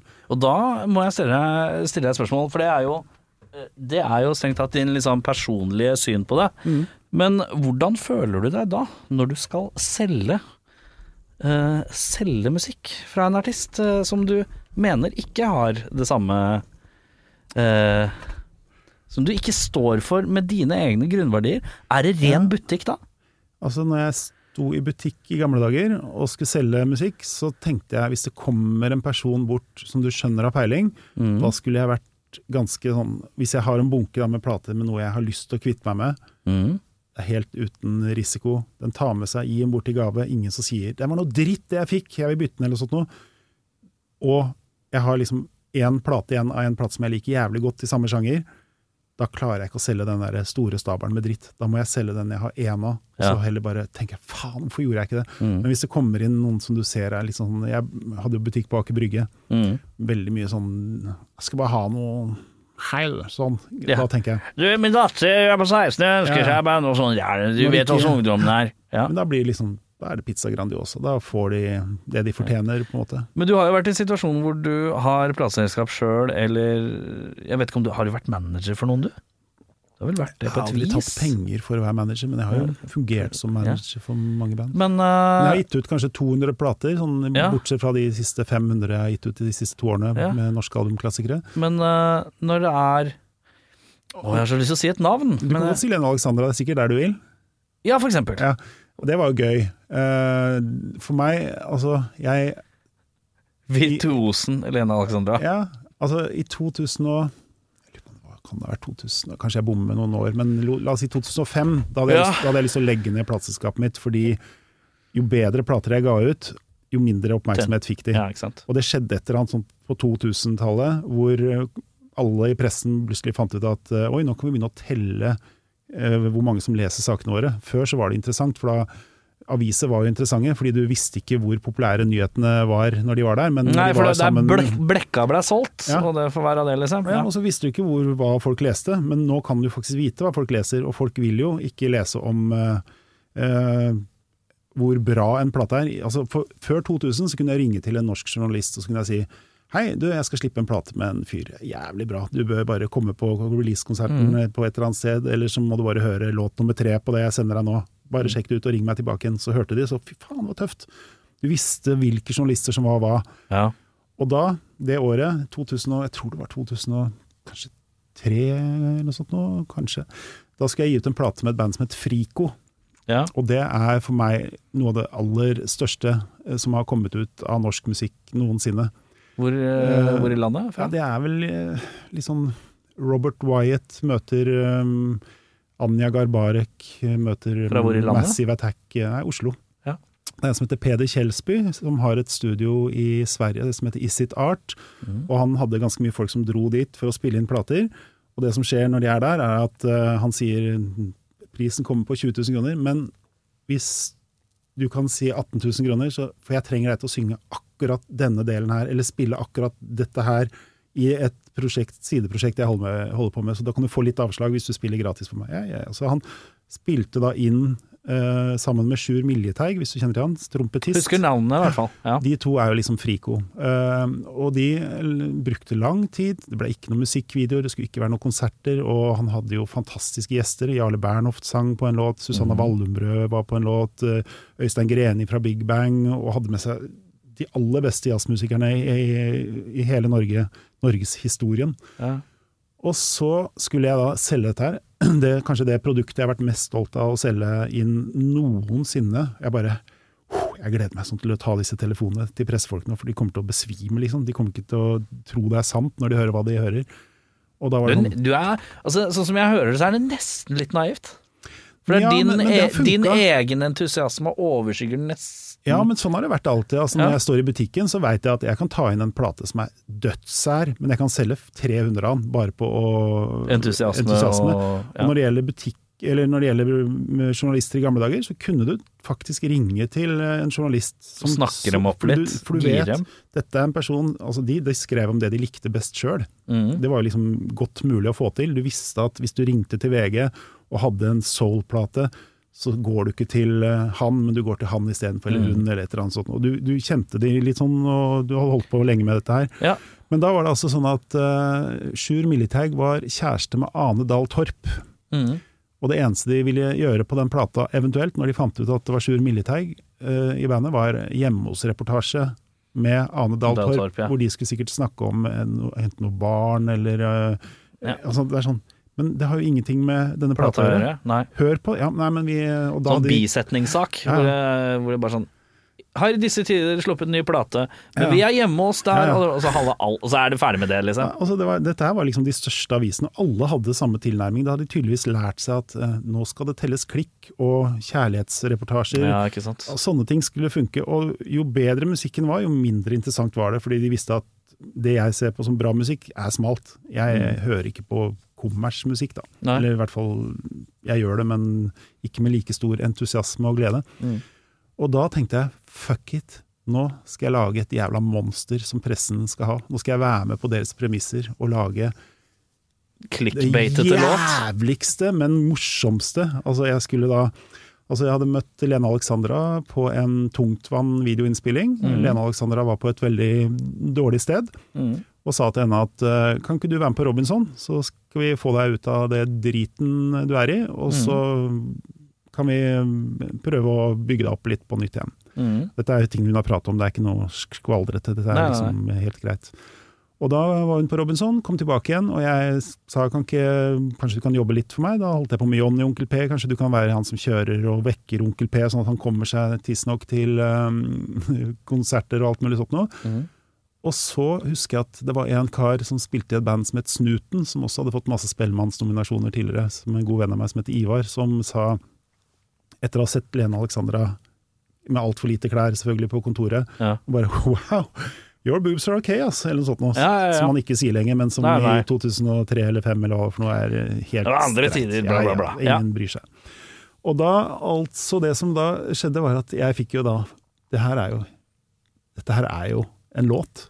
Ja, den, den phrasen okay. der er streit, den. My boobs are ok. Og da sa jeg til Ivar, kan ikke du lage en tekst basert på det verdens teiteste uttrykk? My Ja. boobs are ok. Er du med på det, Lene? Ja, ja, herregud, jeg har bare lyst til å være på TV og bli kjendis. Helt greit, det. Ok. Og så kom Ivar tilbake med 'my boobs are ok', 'my boobs, my boobs, my boobs are ok'. Og det var egentlig det eneste han hadde. Sånn ren Ja, ne, ne, neandertaleraktig Ja, greie. Ja, ja. så tenkte vi ok, dette kan vi bygge ut litt. Og så var Lene litt involvert, det var to andre som var litt involverte. Og så plutselig så satt vi med låta. Og låta var ferdig, og tenkte det her er jo en hit, men hvordan skal vi få dette her til å bli et monster, og ikke bare en liten hit? Mm. Jo, da, da er jo min fuck you til pressen begynte der, liksom. Ok, det du skal gjøre, du skal være med på Norway Cup, kjendisfotballkampen, Lene. Og det du skal gjøre er å løpe rundt på den fotballkampen helt til du får en ball i brystet, og så skal du bare legge deg ned, og der skal du ligge til ambulansen kommer og henter deg. Det er okay. plan én. Ja, for det var noe greier med det, Ja. sett det. Ja.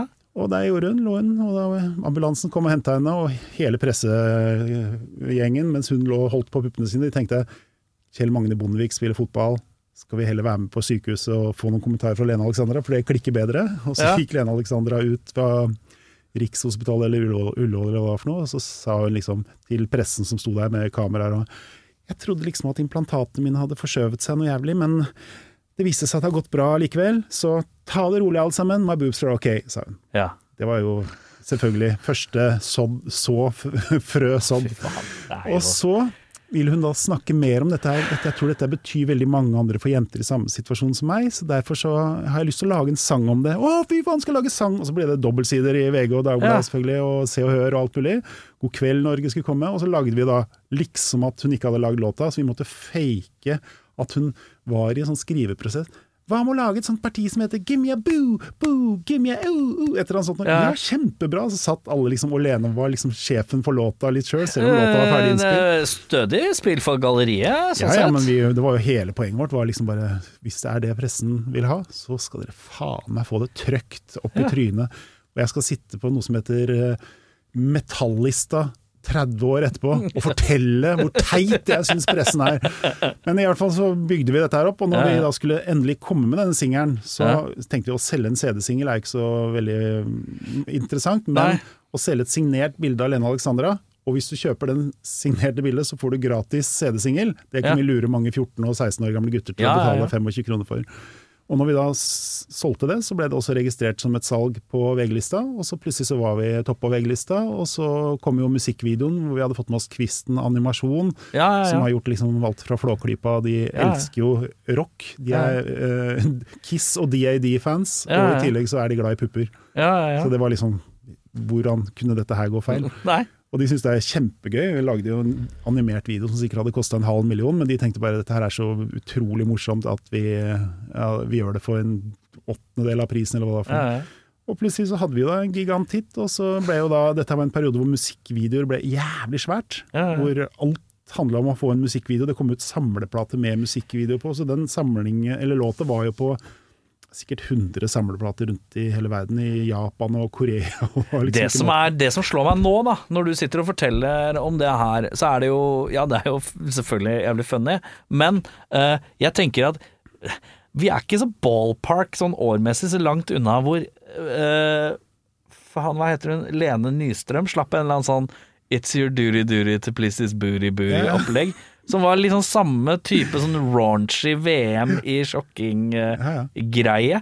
som, uh, som jeg føler har blitt gjort da uten ironien og forståelsen, da. Ja, Og det vi- gjør det jo så jævla trist. Ja, og vi hadde Ekstra jo trist. liksom en plan om at dette skulle være en, enkeltspor, men så kom det noen svenske managere inn og faen, det her er helt fantastisk, kan vi få lov å Penger, ja, penger. penger, penger, penger. Og tenkte at vet du hva, vi vil bare være med på den ene singelen, for vi syns det var gøy, men vi eier jo den singelen, og vi kan godt være med og liksom passe på at Lene ikke blir liksom dratt inn i eh, utenlandshelvete og blir lurt, liksom. Så vi var jo liksom med Vi ble jo endt opp å bli lurt, eh, selvfølgelig. For alle er jo kjeltringer som driver med sånn musikk, men Ja. vi, vi Jeg tror både vi og Lene tjente en god slump. eh, mye mer enn vi har kanskje tjent på de 50 Men blir du forrige ikke, platene. Men blir du ikke En ting er liksom en fanevoldsk holdning på Å, eh, nå skal vi se om vi kan eh, på en måte fucke opp eh, Skal vi vise hvor lett det er, aktig eh, attitude. Men så er det jo jævlig surt, på en måte, å se Ja, hvis jeg hadde via livet mitt til det her, så hadde Så hadde det jo vært rik. Hadde vært rik, liksom. Ja, Det er det som er så trist, da. Ja, det er jævlig sitter jeg tenker at jeg jobber med Bendik Hofseth, som ikke klarer å gjøre et ordentlig intervju hvor han forteller et eller annet om hvor bra musikken hans er. Som, ikke alle kunne jo hvis du hadde gitt ut en plate, så kunne du liksom vært entusiastisk på Ja, ja, ja. men han er bare entusiastisk, på musikkens vegne og andre bandmedlemmer og sånn, så han glemmer å snakke om seg sjøl og plata ja, hvert intervju er sånn Men Bendik, snakk om deg sjøl! Skryt av deg sjøl! Gjerne på en sånn smart måte, men ikke Snakk om hvor jævlig du syns Spotify er, for det har ikke noe å si! Nei, nei, nei. Ingen kjøper plata di av den grunn, eller hører på plata di. Nei. Og det er liksom sånn eh, Jeg tenker jo, altså, Hva heter de alle disse Ex on the Beach-folka Mhm. som er med å gi ut en singel, så er de på topplista. Ja. Jeg er veldig glad i Stian Staysman, men faen heller. Hvorfor skal han liksom ha Alt han tar i, topper VG-lister, og Ja. han er med i alle TV-programmer. Altså, alt handler bare om Ja, han kan lage en låt om pølser, og så Ja. er det superhit. Eh, men det er jo Det appellerer til en sånn uh, Det er jævlig trist å tenke at den, geme, geme, altså den gemene hop er idioter. Ja, men det er det. De Det er folket. Altså, Folket er altså, idioter. Jeg har jo så lite standing i folket. Det er derfor jeg ikke kan være med i noen sånne folkes Kan jeg være med i sånn t- TV-konkurranse hvor man Ja. skal danse et eller annet? Jeg er sikker på at hvis jeg hadde dansa vært Norges beste, så hadde jeg bare vært sånn jeg er ikke folkets mann. Ja, det- Jeg liker ikke folket. Jeg liker ikke gjennomsnittsfolk. Jeg liker nesten ingen folk. Jeg syns det var så deilig når vi så Jeg satt og Ikke sant, når jeg skal gjøre Jeg gjør en mild research på folk. Den er ikke bredere enn at jeg For jeg tenker nå, jeg, jeg har det her. Jeg, Ja. Du er jo kilden. Jeg trenger ikke Wikipedia for deg. Eh, men da, da så virra jeg litt på gamle klipp på YouTuben, og da fant jeg den derre fra eh, Faen heter de NRK-folka. Hvor du eh, bakomprat eller sånt. Hvor folk hvor blir Hasse Hope og Erik Solberg. ja, ja, ja. Hvor de skal spørre folk på Karl Johan hva syns du om Christer Falk. Ja. Å, fy faen, det er slekt!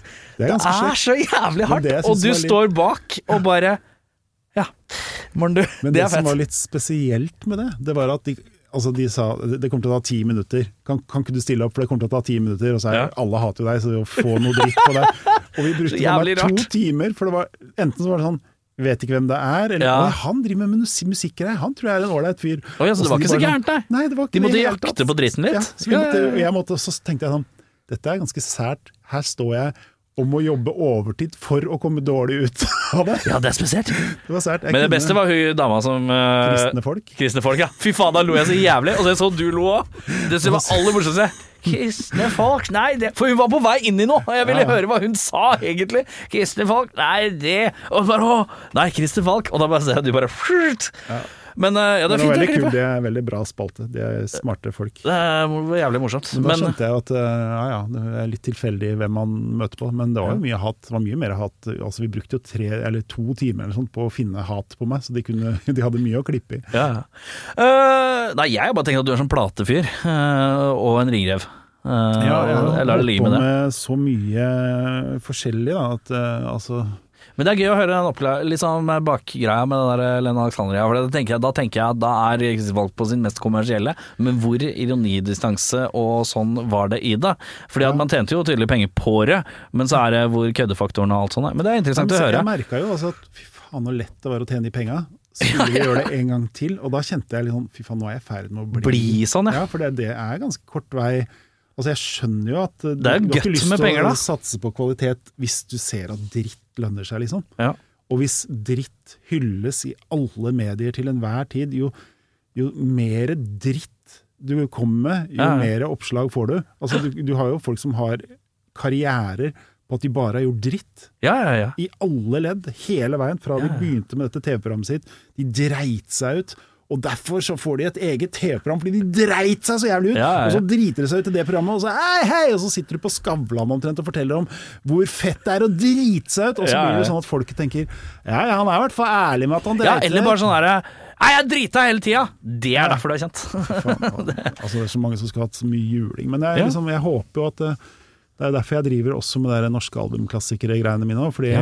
Jeg skulle snike meg inn i det, skjønner for at ja. det er jo antitesen eh, på eh, det kommersielle. Det er jo eh, dette prosjektet Norske albumklassikere, som for meg utad, eh, som ikke er så videre bereist i eh, kanskje norsk musikk eh, fra 66 til 85 ja, ikke sant? Da er jeg ikke videre bereist, og da ser jeg også Jeg følger jo med, Og det er smalorama for folk, eh, for den gemene hop.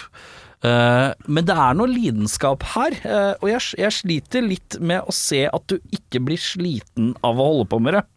For det virker som det er jævlig mye eh, stuk.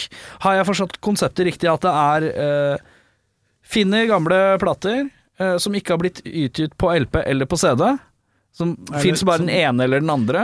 Ja, altså På sånn- CD-avdelingen vår så er det liksom ting som bare har vært på kassett eller LP, Ja, som ikke er digitalisert. For Ja, hele okay. greia er at jeg Altså Hvis Universal da sitter på en gammel teip med Ivar Medås nå, ja.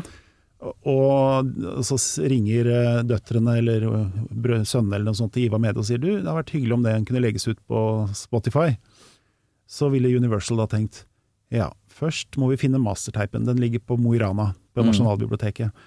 For å kjøre ut den koster det 2000 kroner. Mm.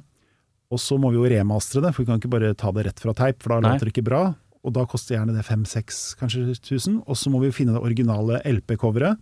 Og så må vi skanne det, sånn at det blir et bra skann som vi kan legge ut. Og må det Og så må noen legge dette her ut via sånn plattformen sin, sånn at det faktisk ender opp i strømmetjenestene. Så la oss si det et sted mellom 5000 hvis du tenker jævlig billig, eller 10 000 hvis du tenker normalt, Ja. koster det å legge ut den Ivar Medås-plata. Ja. Men hvor mye tjener du på Spotify på den Ivar Medås-plata i løpet av ett år? Kanskje Ingenting. 200 kroner. ja. Så det var, da ville Universal tenkt så vi skal bruke 10 000 kroner på å tjene 200 kroner i året. Da tjener vi disse pengene inn om 50 år. eller Ja, noe sånt noe. Ja, ja. Så sier de nei, vet du hva, vi har ikke kapasitet til å gjøre det, dessverre. Nei. Og så er det ingen som gjør det. Nei. Og da tenker jeg, for det første så er det jo da sikkert 5000 sånne plater som noen er viktige, noen er mindre viktige, men det er Mhm. ikke min jobb denne gangen her. For Nei. nå har jeg tenkt at nå skal jeg legge snobberiet fra meg. Og tenke at uh, en samtidsplate med Arne Norheim er like mye verdt som uh, Hanne Krogh, eller om det er en punkplate fra Jessheim, eller om det er eh, prog fra Haugesund, liksom. Det er ikke noe viktig. For det viktigste er, fins det nok mennesker som er villig til å betale det som skal til for at den plata skal da gis ut på CD, digitaliseres, sånn at artistene selv eller plateselskapene selv kan få muligheten til å legge det ut og tjene penger i all evighet uten å betale 10 000 kroner. Ja, for det fungerer i den form at det er en slags sånn crowdfunding. eh, Hvis så og så mange donerer, eh, det beløpet som jeg regner med da er beløpet prisen for plata cirka, eller noe sånt, Rundt 200 kroner, det er Ja, inkludert porto. Da får du CD-en i posten Ja. for 200 kroner. så blir det mange nok til å overskyve den grensen hvor det å ta seg til arbeidet eh, er verdt det, på en måte. Eh, Så blir den lansert. Da blir den lansert. Også, Vi trenger 150 mennesker som betaler 200 kroner hver. Ja. Når vi det målet, så trykker vi plata. Ja. De 150 får plata. Alt, eh, vi eier jo ingenting annet enn selve CD-ene. Men slippes det digitalt da samtidig òg? Mm, Det kan de som eier masterne velge å gjøre. Ja. Da, har de i hvert fall, da, er de, da slipper de den dyre biten at de må hente ut master og leite det opp og spore det opp og digitalisere og rippe Mm. og alt mulig sånt noe. Da har de bare noen filer de får av meg, eller får en CD av meg, som de Ja. kan bare trykke 'rip this CD', Ja, ikke sant? legge det ut på, på internettet. Ja, ja. Det, det er liksom Nå ble du over 50, når du la det ut. Jeg sa det sånn. Jeg, du er så unge, unge lyttere Nei Da kan man legge det ut på på internettet. internettet. Ja. Altså det er en sånn, egentlig en veldig fin tanke for liksom å spre og mangfoldiggjøre gammel musikk, men det er jo også en jævla stor jobb. Og så er det jo sånn at hvis jeg hadde vært lur og Ja. grisk, sånn som jeg var i Lene Alexandra-perioden, så Ja. ville jeg da gitt ut de 100 mest populære platene, og så solgt ganske mange CD-er av dette her til utlandet og Tyskland og USA og Ja, ja. Japan og sånt noe. Men nå- er jeg litt mer mot Frico, som er det dette bandet som gjorde at jeg eh, ikke orka mer. Ja. Så nå har jeg lyst til å tenke at det er ikke så viktig hva jeg syns jeg ser på som et kulturelt eh, prosjekt som skal eh, være liksom noe som gjør at norsk musikk får et løft, da. ja. Uh, hvem er det som Hvem er det som skanner coveret? De coverne får vi tak i på et eller annet vis, enten Nasjonalbiblioteket har de, eller Rock'n'Rolls låner jeg, altså Ja. bruktbutikken i Stortingsgata, eller så har vi det sjøl, eller så sitter jeg med på scooteren og så kjører jeg rundt. Altså, vi har jo en Facebook-gruppe som heter Norske albumklassikere på CD, Ja. og hvis jeg skriver 'Hei, er det noen i Oslo som har denne plata?' Ja, for det er såpass, vinyl?» ja. ja. Så er det, Det er litt sånn dugnadsånde-vibe over det her, Det tar men to eh, minutter, tar det. Det har aldri tatt mer enn to minutter. Så jeg har den, jeg bor på Haugerud. Ok, jeg bor på Nordstrand. Hvor lang tid det er å kjøre scooter fra Haug Nordstrand til Haugerud? Fins det et sånn trykk Eller sånn der kopi kopieringssenter der, eller kan du spørre de, du, har du sjanse til å kopiere denne her på Copycat eller et eller annet sånt? Ja, ja, ja. Og så bare sender du meg en eh, eh, kvittering, og så vippser jeg det. Det er litt sånn uh, hjemmesnekra. Uh. Veldig sånn hjemmesnekra følelse her. Men det er aldri Det er ingen andre måter å gjøre det på. Det er ingen andre, måte, det er ingen andre selskap som kommer til å gidde å ta den jobben og, og dra fram de gamle tingene. Og det jeg syns er litt gøy, da, det er jo at altså, de fleste som ga ut plater fra 66 til 85, er jo enten ganske gamle, eller så er de døde. Ja. Og så har de gjerne barn som er veldig stolte av eh, pappaen eller mammaen sin. Og så er det et eller annet Slags kulturell arv. eh, Ja. det er ganske hyggelig den telefonen å si hei, mitt navn er Christer Falk. eh, er det du som er datteren Hei, hei, det er Kristne Falk her. Kristne Falk! Nei, det syns jeg ikke noe om! Tut, tut, tut. Ja. Nei, men det er, Den er ganske sånn tilfredsstillende å si at hei, ikke bare får du musikken ut sånn at alle kan høre på. Altså nå I Norge nå så er det rundt 92% som hører på strømming. 4 kjøper LP-er, og 3,5 kjøper CD-er, og en halv prosent, altså du, kjøper kassett. Ja. Og det er jo da eh, Det er jo liksom eh, Den store bøygen vil jo ha dette her, men, men ingen gidder å betale for det. Så nå Ja. får vi da et lite antall mennesker, 150 mennesker. Det fins jo nesten, uansett hva man gir ut, så skal det finnes 150 som er interesserte. Ja, ja. Altså det finnes jeg tror det finnes rundt 50 mennesker i Norge som kjøper absolutt alt som kommer ut av norsk musikk. Altså Det er Mhm. kompletister, sånn som, er, Ja, sånn som jeg er på Prince, bare at de er på norsk. Ja. Og da mangler vi bare 100. Og, hvis, eh, og ikke bare det, så får jo artistene og plateselskapene penger av meg også. De Mhm. får 5000 kroner hvis vi trykker 500 plater. ja, sånn, ja. Altså 10 000 til sammen. 5000 til artist og 5000 til eh, selskap. Så Mhm. Det finnes jo noen artister nå. eh, KM Myrland, eh, en Harstads kanskje største artist. eh, Ja, nest største artist etter Christian Christensen. Kanskje mm. tredje størst også, for det finnes vel noe Du må ikke se på meg som om jeg er bereist innenfor Harstads musikalske Harstad-rocken. perler, men ja. Nei, du har tungtvann også. Ja, men i Ja. hvert fall KM Myrland han har gitt ut ti plater eller noe sånt nå. Mm. Ingen av de var tilgjengelig på øh, noen strømmetjenester, og musikken var knapt nok å finne på, på, på YouTube eller noe sånt noe. Og så døde den.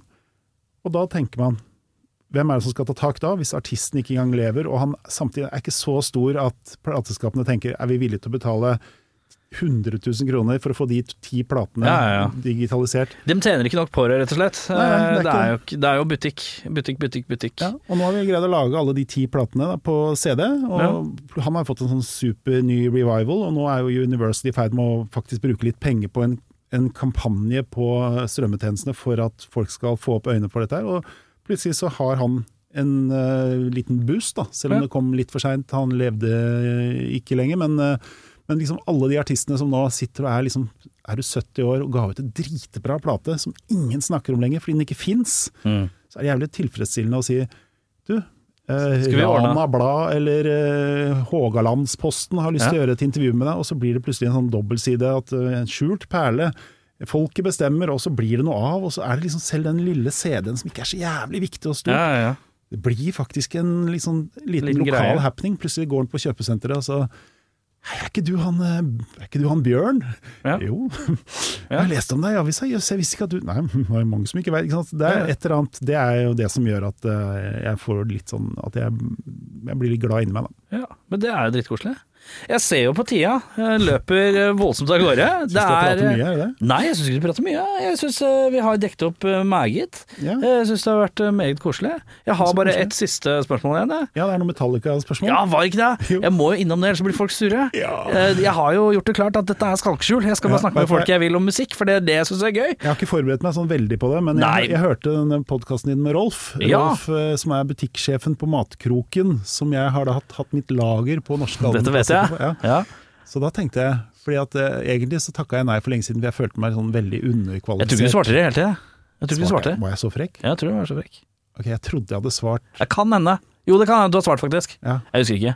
Ja nei, jeg pleier i hvert fall å være høflig og svare Ja. nei, når jeg, ja. sånn at ikke folk begynner sånn åh, må jeg prøve å få tak i den på et annet vis? Ja, det kan jeg at du har svart, ja. Samme det. Men uansett, sånn, når hørte jeg på den, så tenkte jeg ja, det var hyggelig, men han hadde heller ikke sånn voldsom eh, Nei, nei, det er mange som ikke har så jævlig peil. Metallica Ja, det er et av de bandene jeg har brukt, brukt minst tid på. Ja. Uh, uh, hvis jeg, jeg vil spille et enkelt spørsmål. Mm. Metallica, ja eller nei? Ja. Ja. Første delen av Metallica, ja. Andre delen, nei. Nei. Så, men det er mer på ja enn nei. Da har vi dekket opp Metallica-delen. Enkelt og greit. Vi er ferdige, Christer. Nydelig. Tusen takk for besøket. Uh, nå har jeg noen Skal du ikke spørre meg om favorittsangen min, eller? Uh, Av Metallica? Ja. Ja. Vil du at jeg skal si deg om det? Ja, hva er favorittsangen din? Jeg har ingen. Nei, ikke sant? Nei, jeg- jeg Nydelig. har- Det eneste jeg liker med Metallica sånn ordentlig godt, Ja. det er uh, The Unforgiven. Den ene partiet, det gitarpartiet etter det roret. Det som høres sånn slightly spansk ut, eller noe? Ja, litt sånn, det han- hørtes nesten litt progga ut. Litt Ja. sånn Tool, nesten sånn der. Men liker du Tool, da? Ja, det liker jeg veldig godt. Ja, ikke sant. Jeg liker noen, noen ting godt. Ja. Men Tool, altså Anima-skiva, det er en av Den kunne på en god dag vært inn på min topp 100 gjennom alle tider-plater. Du, har, du er en løk, Jeg vet det. eh, men eh, på en god måte. Eh, Og du får komme tilbake igjen. Da. er løk bra? Løk, ja, men det var mye lag, her er Ja, jo, det er det. Ja. Du, det sier ikke at du lukter, det er ikke det jeg sier. Jeg begynner ikke å grine av å se på deg, det er ikke det jeg sier. Men du har mye lag. Et, vi får bare ta en prat en annen gang, tenker jeg. Vi, vi gir et års tid, og så skal jeg pønske opp noen nye spørsmål. Så får vi ta en jazz til. Uh, tusen takk, og god jul, da. Jo, god jul, herregud. Det er noe greier. Det blir stas. Ja, det er litt masse òg, da. Du har hørt en podkast fra Podplay. En enklere måte å høre podkast på. Last ned appen Podplay, eller se podplay.no. Ja, det fine med å høre på podkast, det er jo at du kan gjøre noe nyttig samtidig. Kan f.eks. endelig fikse den eh, skapdøra på badet. Sånn. Alt du trenger til enkelt vedlikehold hjemme, finner du på